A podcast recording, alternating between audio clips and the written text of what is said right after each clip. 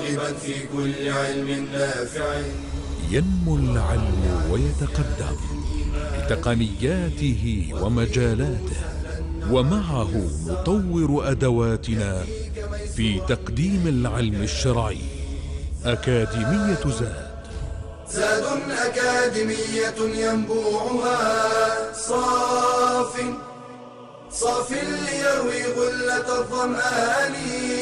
هذا كتاب الله روح قلوبنا. خير الدروس تعلم القرآن. بشرى لنا زاد أكاديمية للعلم كالأزهار في البستان.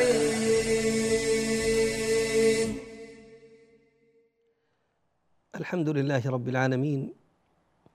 أحمده سبحانه وتعالى حمدا كثيرا طيبا مباركا فيه. وأصلي وأسلم على سيدي رسول الله وعلى آله وأصحابه أجمعين. سبحانك لا علم لنا إلا ما علمتنا إنك أنت العليم الحكيم. اللهم علمنا ما ينفعنا وانفعنا بما علمتنا وزدنا علما. ما شاء الله كان. ونعوذ بالله من حال أهل النار. اللهم لا سهل إلا ما جعلته سهلا. وأنت تجعل الحزن إذا شئت سهلا. اللهم ارزقنا الإخلاص والتوفيق والقبول والعون. إنك ولي ذلك والقادر عليه. ثم أما بعد أيها الأحبة الكرام فالسلام عليكم ورحمة الله وبركاته. وحي هلا بكم في هذا اللقاء المتجدد الذي نعيش وإياكم فيه مع القرآن الكريم. نعم. إننا نعيش معكم مع كتاب الله تبارك وتعالى وذلك من خلال مادة التفسير في هذه الأكاديمية المباركة. ونحن كما تعلمون نعيش مع قصار المفصل في الجزء الثلاثين من كتاب الله تعالى. وفي هذا اللقاء بإذن الله سيكون حديثنا عن سورة التكاثر. في هذا اللقاء. سنتحدث بإذن الله عز وجل عن سورة التكاثر وتسمى أيضا بسورة ألهاكم وتسمى أيضا بسورة المقبرة. هذه السورة المباركة هذه السورة المباركة عدد آياتها ثمان آيات وكلماتها ثمان وعشرون كلمة وأما حروفها فمائه وعشرون حرفا.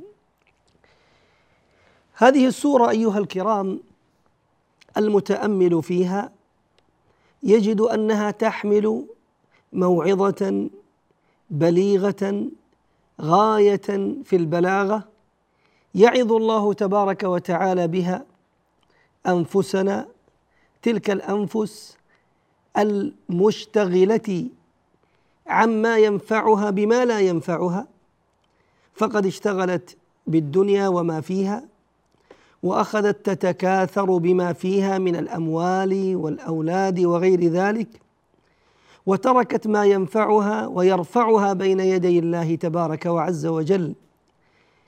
فأخذ الحق تبارك وتعالى يأخذ هذه النفوس إليه من خلال هذه المواعظ التي تهتز لها القلوب وتعيد الناس إلى ربهم وخالقهم تبارك وعز وجل.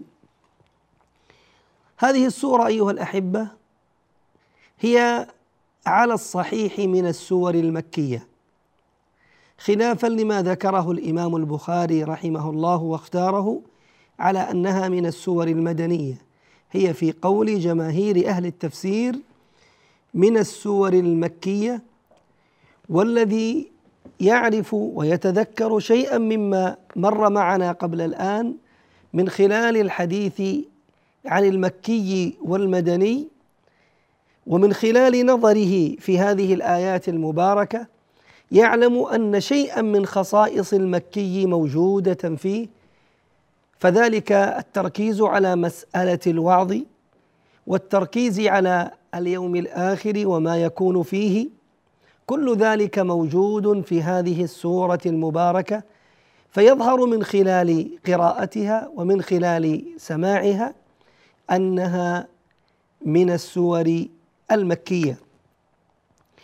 والذي دعا طائفة من أهل العلم على القول بأنها مدنية هو حديث أنس رضي الله عنه وأرضاه الذي يقول فيه كنا نعد قول رسول الله صلى الله عليه وسلم لو كان لابن آدم واد من ذهب لتمنى أن يكون له ثان ثاني ولو كان له واديان لتمنى أن يكون له ثالث ولا يملأ جوف ابن آدم إلا التراب.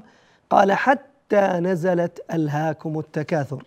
حتى نزلت ألهاكم التكاثر. ومعلوم أن أنس خادم رسول الله أنصاري مدني رضي الله عنه وأرضاه فقوله كنا نعد ذلك يقولون هذا دلالة واضحة عندهم على أن هذه السورة من السور المكية. ويجاب عن مثل هذا بأن يقال أن قول أنس رضي الله عنه كنا نعد أي الصحابة عموما رضي الله عنهم وأرضاهم ومن أولئك النفر من أصحاب النبي صلى الله عليه وسلم معشر معشر المهاجرين الذين كانوا في مكة رضي الله عنهم وأرضاهم. وأقول خصائص السور المكية تظهر بجلاء في هذه السورة المباركة. قال الله تبارك وعز وجل في أول هذه السورة ألهاكم التكاثر حتى زرتم المقابر.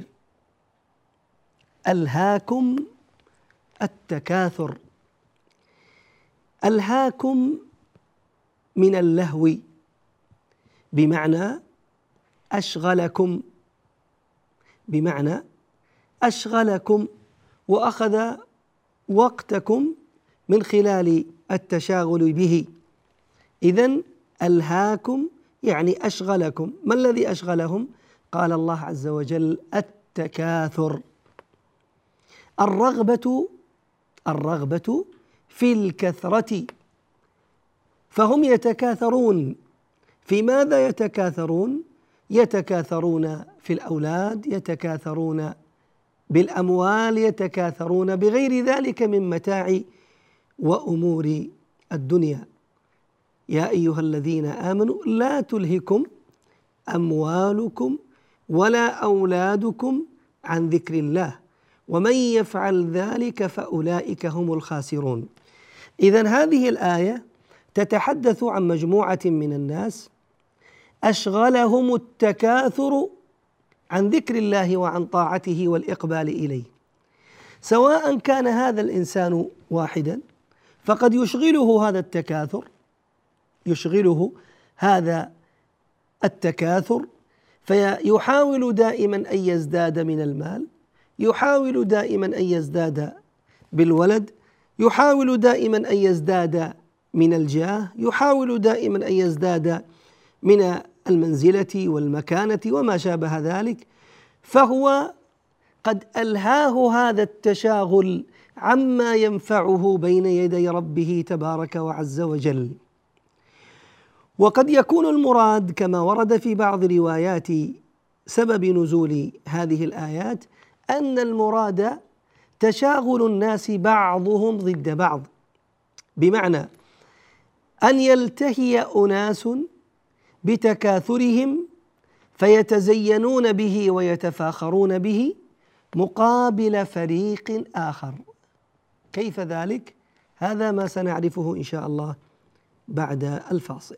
بشرى لنا أكاديمية للعلم كالأزهار في البستان.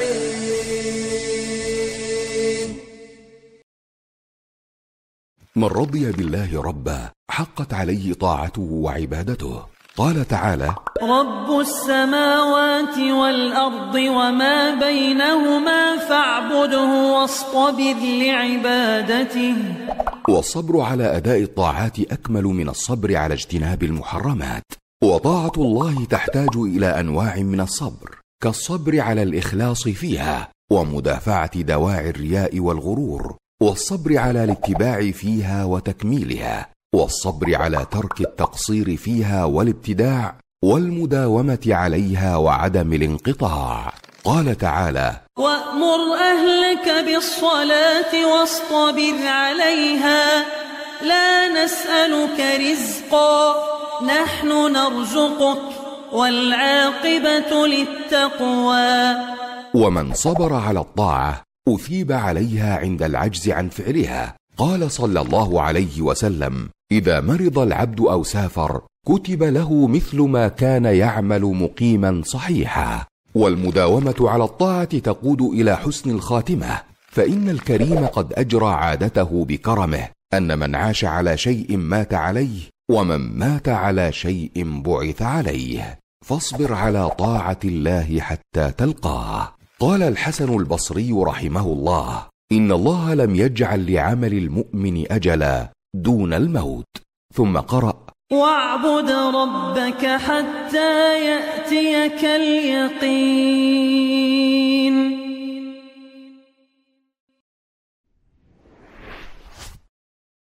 بشرى لنا زاد أكاديمية للعلم كالأزهار في البستان. الحمد لله. مرحبا بكم أيها الكرام. عدنا إليكم بعد الفاصل. وكنا قبله نتحدث عن الآية الأولى من سورة التكاثر التي قال الله تعالى فيها ألهاكم التكاثر. وقلنا أن هذا الانشغال بالتكاثر والتلهي به قد يكون من الشخص ذاته فتجد أن الإنسان ينشغل بجمع حطام الدنيا وما شابه ذلك من زينتها عن أمور هي أولى منه تقربه إلى الله تبارك وعز وجل. وقد يكون هذا التلهي والانشغال بالتكاثر من قوم لقوم آخرين أو من قوم مع قوم آخرين. كما ورد في بعض أسباب نزول هذه السورة أن قوما من قريش يعني قبيلتان بطنان بنو سهم وبنو عبد مناف تقابلا فأخذت كل قبيلة منهم تكاثر بما لديها من المال من الأولاد من الرجال. فغلب أحد البطنين الآخر فانتقلوا إلى المقابر ليتفاخروا ويتكاثروا بأموات لهم. فأخذ كل فريق يعد أكابره من أولئك الأموات في المقابر. فقال الله ألهاكم التكاثر. ألهاكم أشغلكم هذا التلهي بذكر هذا التكاثر عما ينفعكم ويقربكم إلى الله تبارك وعز وجل.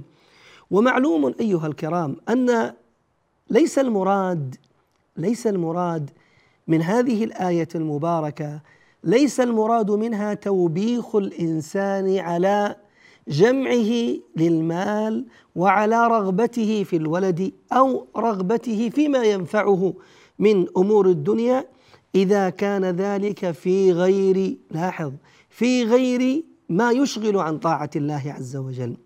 إنما هذا التقريع الذي نزل من الحق تبارك وتعالى هو في مقابلة أو هو في توبيخ أناس انشغلوا بهذه الأمور التي هي من أمور الدنيا ولا تقرب العبد إلى الآخرة فانشغلوا بها عما ينفعهم وما يقربهم إلى الله تبارك وتعالى فأصبح كل وقتهم السير خلف هذه الأمور حتى طغت على حياتهم ووصلوا إلى هذا التنافس الذي ذكرناه من الدنيا إلى أن ذهبوا إلى المقابر فبدأ لا أن يذهبوا إلى المقبرة للذكرى والاعتبار ذهبوا إليها للتفاخر وعد أمواتهم من هو أكثر من يعني البطن الآخر نعوذ بالله. قال الله ألهاكم التكاثر حتى زرتم المقابر حتى حرف للغاية يعني استمر هذا التلهي والانشغال بأمر التكاثر حتى زرتم المقابر حتى زرتم المقابر في قول جماهير أهل التفسير يعني حتى متم ودفنتم في هذه المقابر. ظللتم تتشاغلون بالتكاثر حتى متم ودفنتم في هذه المقابر. حتى متم ودفنتم في هذه المقابر عند ذلك ينكشف عن العبد الغطاء فيرى ما لم يكن يرى ويرى أن ما فعل من هذا التلهي والتشاغل بأمور الدنيا قد فوت عليه من الخير الشيء الكثير جدا. وقال بعض أهل العلم حتى زرتم المقابر كما فعل هذان البطنان من بطون قريش بنو سهم وبنو عبد مناف تشاغلوا بهذا التكاثر حتى وصل بهم الحال أنهم زاروا المقبرة فبدل أن يزوروا المقبرة للعبرة والاتعاظ زاروها للتفاخر والتكاثر بعظمائهم وسادتهم. اذا ألهاكم التكاثر حتى زرتم المقابر. طبعا المقابر جمع مقبرة وكما قال الإمام القرطبي رحمه الله في تفسيره لم تذكر المقبرة إلا في هذه السورة في كتاب الله تبارك وعز وجل. والمقابر أيها الكرام أيها المباركون هي مواطننا التي سنصل إليها جميعا. فهذا الإنسان مهما بلغ من العمر سيتوفاه الله تبارك وعز وجل. فإذا توفاه الله تبارك وتعالى فإن موطنه ومسيره إلى تلك المقابر. ولهذا شرع للعبد شرع للعبد إذا زار هذه المقابر بعد أن يسلم عليهم فيقول السلام عليكم أهل الديار من المؤمنين أنتم السابقون ونحن إن شاء الله بكم لاحقون. لاحظ ونحن إن شاء الله بكم لاحقون. فهي موطننا الذي سنصل إليه في نهاية الأمر. هذه المقابر يا عباد الله هي مساكن ستسكن فيها أو سيسكن فيها أجداث بني آدم. إلى فترة يشأ الحق تبارك وعز وجل أن يخرجوا منها بين يدي ربهم وخالقهم وسيدهم ومولاهم. هذه المقابر يا عباد الله شرع الإسلام زيارتها. لما في زيارتها من عودة القلوب إلى الله وتذكر العبد بالنظر إليها. في أول الأمر نهى النبي صلى الله عليه وسلم عن زيارة القبور وذلك حماية لجناب العقيدة. ثم لما اشتد جانب العقيدة في نفوس المؤمنين وقوي بفضل رب العالمين أذن عليه الصلاة والسلام بل شرع بعد ذلك زيارة القبور. فقال عليه الصلاة والسلام كنت كنت قد نهيتكم عن زيارة القبور ألا فزوروها فإنها تذكركم الآخرة. انظر كيف يأتي عليه الصلاة والسلام بأسلوب الحظ ليحث أصحابه الكرام ويحضه هم ومن بعدهم على زيارة هذه ألا ألا للاستحثاث ألا فزوروها أي هذه القبور فإنها تذكركم الآخرة. النظر إليها ونظر اعتبار مما يقوي إيمان العبد فيذكره بالآخرة التي هي مصيرنا جميعا وكلنا سنعود إليها. الإمام القرطبي رحمه الله يقول ثلاثة أمور إذا وجد العبد من قلبه قسوة ثلاثة أمور. متى وجد العبد من قلبه قسوة فليعمل بها فإنها طريق إلى إذابة هذه القسوة وعود القلب إلى الله عز وجل. أول هذه الأمور ذكر الموت والإكثار من ذلك. ولهذا قال عليه الصلاة والسلام أكثروا من ذكر هذه اللذات الإكثار من ذكر الموت أن يكون الموت هو الذكر وهو الشغل الشاغل للعبد فإن ذلك مما يعين بإذن الله عز وجل على أن يكون قلبه قلبا قريبا من الله معلقا به وأن يذيب هذه القسوة وهذا الران الذي للأسف ران على قلوبنا إلا ما رحم ربي. الأمر الثاني النظر في أحوال المحتضرين حضور حضور المحتضرين أولئك الذين يفارقون هذه الحياة وينتقلون من دار الدنيا دار الفناء إلى دار البقاء. فإن في النظر إليهم اعتبار يحدث عنه انكسار في قلب العبد وفي حياته وفي تصرفاته فيتعلق بالله تبارك وتعالى. الأمر الثالث هو زيارة المقابر. الأمر الثالث هو زيارة المقابر. ألا فزوروها؟ فإنها تذكركم الآخرة. لاحظ الأمر الأول أمر يغلب عليه الجانب العلمي المعنوي وهو كثرة ذكر الموت. أما الثاني والثالث فهي أمور يعني عملية يشترك فيها جارحة البصر وغيرها من الجوارح ولذلك قد تكون أحيانا أقرب يعني من أكثر من ذكر الموت. فوجد أن القساوة ما زالت في قلبه فليستعن بعد الله بالأمرين الآخرين فإنهما يعينانه بإذن الله عز وجل على إذابة هذه القسوة وعود القلب إلى الله تبارك وتعالى. وكم والله نحن في حاجة أيها الكرام رجال ونساء إلى مثل هذه العبادات. ولهذا كان قول جماهير أهل العلم على أن زيارة المقابر عامة للرجال والنساء بشرط ألا يكون هناك اختلاط وألا يكون هناك افتتان بحضور النساء بأن يذهبن النساء لوحدهن دون اختلاط ودون رؤية الرجال لهن خلافا لمن قال بالتحريم المطلق. وفقنا الله وإياكم وإلى فاصل ونعود إن شاء الله بعده إليكم. بشرى أكاديمية. للعلم كالأزهار في البستان.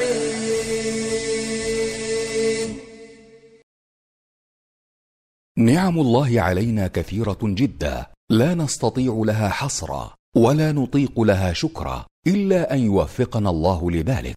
قال تعالى وان تعدوا نعمه الله لا تحصوها ان الانسان لظلوم كفار. وان من النعم ما هو معتاد متكرر ومنه ما هو متجدد. فاذا تجددت للعبد نعمه أو اندفعت عنه نقمه فيستحب له ان يسجد لله شكرا. فقد كان النبي صلى الله عليه وسلم اذا جاءه أمر سرور أو بشر به خر ساجدا شاكرا لله. وسجد أبو بكر لما أتاه فتح اليمامة وسجد علي بن أبي طالب عندما انتصر على الخوارج وسجد كعب بن مالك لما جاءته البشرى بتوبة الله عليه.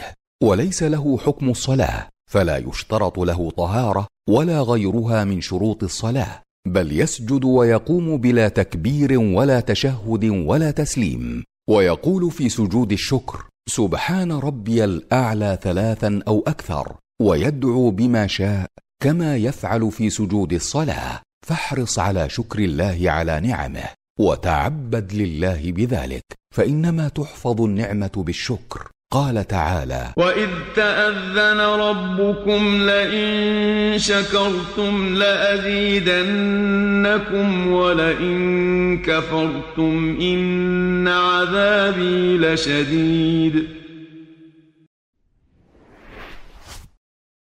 بشرى لنا زاد أكاديمية للعلم كالأزهار في البستان. الحمد لله رب العالمين مرحبا واهلا وسهلا بكم أيها الكرام. عدنا إليكم بعد هذا الفاصل والذي كنا قبله نتحدث عن مشروعية زيارة القبور لما فيها من العبرة والعظة وذكرنا أن مذهب جمهور الفقهاء على أن هذه الزيارة عامة للرجال والنساء بالضوابط التي ذكرناها قبل الفاصل. وقد يقول قائل فأين أنت من قول رسول الله صلى الله عليه وسلم؟ لعن الله زوارات القبور. نقول كما قال الإمام القرطبي رحمه الله وغيره من أهل العلم أن هذا كان قبل المشروعية في النهي العام كنت قد نهيتكم عن زيارة القبور فكان النهي ابتداء عاما للرجال والنساء ثم شرع بعد ذلك لما ذكرنا سابقا والمسألة من مسائل الخلاف وليراجعها طالب العلم في مظانها. قال الله تعالى ألهاكم التكاثر حتى زرتم المقابر. ثم قال عز وجل كلا سوف تعلمون. كلا سوف تعلمون. كلا كما ذكرنا هذه أداة ردع وزجر. الله عز وجل يردع ويزجر. هذه الفئة من الناس التي تلهت وانشغلت عما هو خير لها بما لا خير فيه والتي تركت ما شرع الله عز وجل إلى أمور مذمومة من متاع الدنيا أعني بذمها إذا غلبت وشغلت العبد عما شرع الله تبارك وتعالى له فكانت مسيطرة على قلب العبد ومبعدة له عن طاعة الله تبارك وتعالى وما ينفعه. فيردع الله تبارك وتعالى هؤلاء كلا كلا سوف تعلمون. ولاحظ كيف يأتي بهذا الفعل تعلمون دون ذكر ما الذي سنعمل. ما الذي سنعلم؟ ما هو هذا الأمر الذي تعلمون؟ لا يذكره الله تبارك وتعالى. لتذهب العقول كل مذهب. لتنظر في كل طريق ما هو هذا الأمر الذي سنعلمه؟ الذي سنعلمه ونحن نفعل هذه الأفعال. كلا سوف تعلمون. تعلمون أي ما لكم من الوعيد تعلمون ما لكم من عذاب الدنيا تعلمون ما لكم من عذاب الآخرة تعلمون ما لكم من الحرمان تعلمون ما فاتكم من الخير عدة أمور عد ما شئت من الأمور يجعلها الله تبارك وتعالى مبهمة فلا يخبر بها لتذهب العقول في النظر فيها كل كل مذهب كلا سوف تعلمون ثم كلا سوف تعلمون تأمل. كلا سوف تعلمون هذه الأولى. ثم كلا ثم كلا سوف تعلمون. ولا يقل تبارك وتعالى كلا سوف تعلمون كلا سوف تعلمون. بل يأتي بثم التي تفيد الترتيب مع التراخي ليؤسس بذلك جملة جديدة. هي أقوى من الأولى في مسألة التأكيد. إذا ليست المسألة مسألة تكرار إنما هو تأكيد تأكيد للجملة الأولى بما هو أقوى منها. قال بعض أهل العلم كلا سوف تعلمون أيها المؤمنون ثم كلا سوف تعلمون أيها الكافرون. وقال البعض الآخر كلا سوف تعلمون في الدنيا ثم كلا سوف تعلمون في الآخرة. وقل ما شئت في هذا النظم الرائع وفي هذه البلاغة المعجزة من كتاب الله تبارك وعز وجل التي يأتي بها في مثل هذا المقطع. كلا لاحظ هذه كلا الأولى سوف تعلمون. ثم يأتي مرة أخرى ثم كلا يأتي بأداة الردع مرة ثانية ثم كلا سوف تعلمون. ثم يأتي بها مرة ثالثة كلا لو تعلمون علم اليقين. الله أكبر. ثلاث مرات والحق تبارك وعز وجل يأخذ بهذه النفوس المنشغلة عما ينفعها إلى ما لا ينفعها. ثلاث مرات يحاول تبارك وتعالى أن يقودها في كل مرة إلى نفعها وإلى خيرها فيردعها عما لا ينفعها. كلا كلا كلا في ثلاث مرات. في الثالثة يقول عز وجل كلا لو تعلمون علم اليقين. ستعلمون ولكنه في البداية المطلوب علم اليقين. الخطوة الأولى التي يريدها الحق تبارك وتعالى منا أن نعلم علم اليقين. هذا الأمر القطعي الذي يصل فيه العبد إلى أن يرى لاحظ إلى أن يرى الشيء ولكن بعين قلبه لا بعينه الجارحة الباصرة. هذه مسألة علم اليقين. وأمر اليقين يتدرج فيه العبد في ثلاث مراتب كما ذكر الله تبارك وعز وجل. ذكر الحق تبارك وتعالى منها هنا مرتبتان. المرتبة الأولى علم اليقين. والمرتبة الثانية المرتبة الثانية عين اليقين. والمرتبة الثالثة حق اليقين. إذا يبتدئ يبتدئ العبد في مراتب اليقين بعلم اليقين. وهي تلك الرؤية القلبية التي يرى بها الإنسان الشيء ويكون على يقين من وجوده وكأنه يراه بعيني قلبه.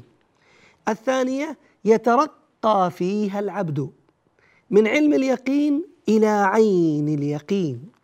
فيرى الأمر ليس بعين قلبه وإنما بعينه الجارحة بعينه الباصرة. المرتبة الثالثة هي تلك المرتبة التي ينغمس الإنسان فيها فيصبح ليس بعد يقينه يقين تماما وهي حق اليقين. ويضرب العلماء لذلك مثالا بما لو قلت لإنسان أن هناك إنسان لا يعرف مثلا فاكهة فاكهة التفاح مثلا.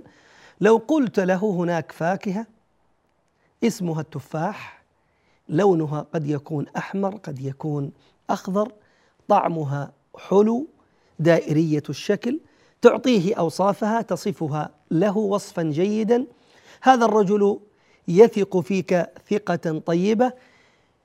سيأخذ هذا الخبر منك بعد وصفك وقبل ذلك ثقته فيك. سيأخذه على علم اليقين. فيصبح لديه علم يقين أن هناك فاكهة هذه أوصافها التي ذكرت له. فإذا أخرجت له هذه التفاحة وقلت له هذه هي التفاحة تراها؟ منطبقة فيها تلك الأوصاف التي ذكرت لها قبل ذكرتها لك قبل قليل. دائر الشكل لون أحمر كذا. هذه هي. فسينتقل بعد ذلك إلى عين اليقين. ثم إذا أخذ تلك التفاحة فقضم منها وأكل منها جزءا فإنه سينتقل بعد ذلك إلى حق اليقين. وكذلك العباد. المؤمن المطلوب منه أن يصل إلى إلى إلى إلى مرتبة عالية عظيمة في اليقين. كشف الغطاء ورؤية الحق الكامل لا يكون للعبد إلا بعد نهاية هذه الدنيا. كلا لو تعلمون علم اليقين إذا وصلتم لهذه الحال لترون الجحيم. ما المراد بالجحيم؟ العذاب. الذي أعده الله تبارك وعز وجل لأولئك الذين شغلتهم هذه المشاغل الدنيوية عما ينفعهم عند رب البرية. ثم لترونها عين اليقين. متى سيرى الإنسان الجحيم؟ قالوا هذا في حق الكافر. إذا كان على فراش الموت فإنه سيكشف له الحجاب فيرى مقعده. نعوذ بالله من النار يرى مقعده من النار يعاين ملائكة العذاب يعاين ملك الموت الذي سينزع روحه ويضعها في ذاك المسوخ. نعوذ بالله من نار جهنم. ثم لترونها بعد ذلك أي النار عين اليقين فتراها بعينك إذا جيء بها عياذا بالله إلى أرض المحشر وأخذت تزفر لتلتهم أصحابها. ثم قال تعالى ثم لتسألن يومئذ يعني يوم القيامة عن النعيم. أي نعيم؟ إنه ذاك الماء البارد ذلك الأمن تلك الصحة ذلك المال الذي أعطاك الله إياه ذلك ذلك كل نعمة كل نعمة أعطاك الله عز وجل إليها. ستسأل عنها يوم القيامة. سيسأل المؤمن القائم بشكر هذه النعم والتي استخدمها في طاعة الله شكر تذ... سيسأل المؤمن سؤال تذكير. المؤمن القائم بأمر الله الذي استخدم هذه النعم في طاعة الله وشكر الله عليها سيسأل لكنه سؤال تذكير بنعم الله عز وجل وسيسأل الكافر الذي لم يعرف شكر ربه سؤال توبيخ وتقريع. صلى الله يحمينا وإياكم بحمايته وأن يرعانا وإياكم برعايته ويجعلنا وإياكم من أهل توفيقه إنه على ذلك قدير. والحمد لله رب العالمين. وصل اللهم وسلم وبارك على سيدنا محمد وعلى آله إلى يوم الدين. يا راغبا في كل علم نافع. ينمو العلم ويتقدم بتقنياته ومجالاته ومعه نطور أدواتنا في تقديم العلم الشرعي. أكاديمية زاد.